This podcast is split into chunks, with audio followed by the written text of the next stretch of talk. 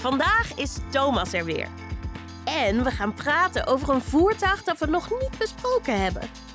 Ben je er klaar voor? We beginnen bovenaan met tandenpoetsen. 3, 2, 1. Poetsen maar. Thomas, je bent er weer. Vandaag gaan we het hebben over een bijzonder voertuig: de motor. Ze zien er altijd heel snel uit als ze op de snelweg voorbij komen zoeven. Maar wat me dan wel opvalt, is dat de motorrijder gewoon bovenop de motor zit. Maar dat is niet bij iedere motor het geval, toch? Nee, vroeger hadden ze daar hele andere ideeën over. Bijvoorbeeld ontwerper Luigi Colani. Hij maakte ontwerpen geïnspireerd op ronde vormen uit de natuur.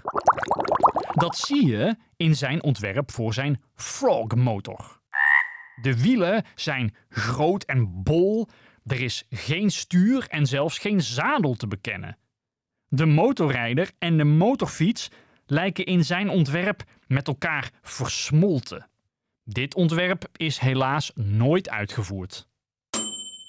Draai nu je tandenborstel om en begin je ondertanden te poetsen. Maar een andere motor die hij ontwierp is wel uitgevoerd.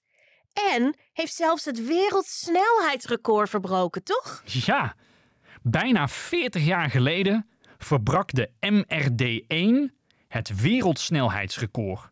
Hij ging wel 303 km per uur. Wow. Versmolten de motor en de bestuurder toen ook met elkaar?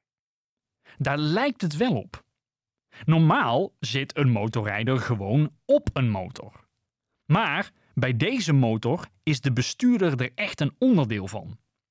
Hij krijgt namelijk een kam op zijn rug. Geen kam waar je je haren mee kamt, maar een soort hard schild. Wanneer de bestuurder voorover buigt op de motor, dan verdwijnt hij helemaal onder dat schild. Hierdoor lijkt het alsof de bestuurder in de motor zit. Zo is niet alleen de motor, maar ook de bestuurder helemaal gestroomlijnd. Dat was het voor vandaag. Spuug je tandpasta uit en spoel goed je mond. Tot morgen.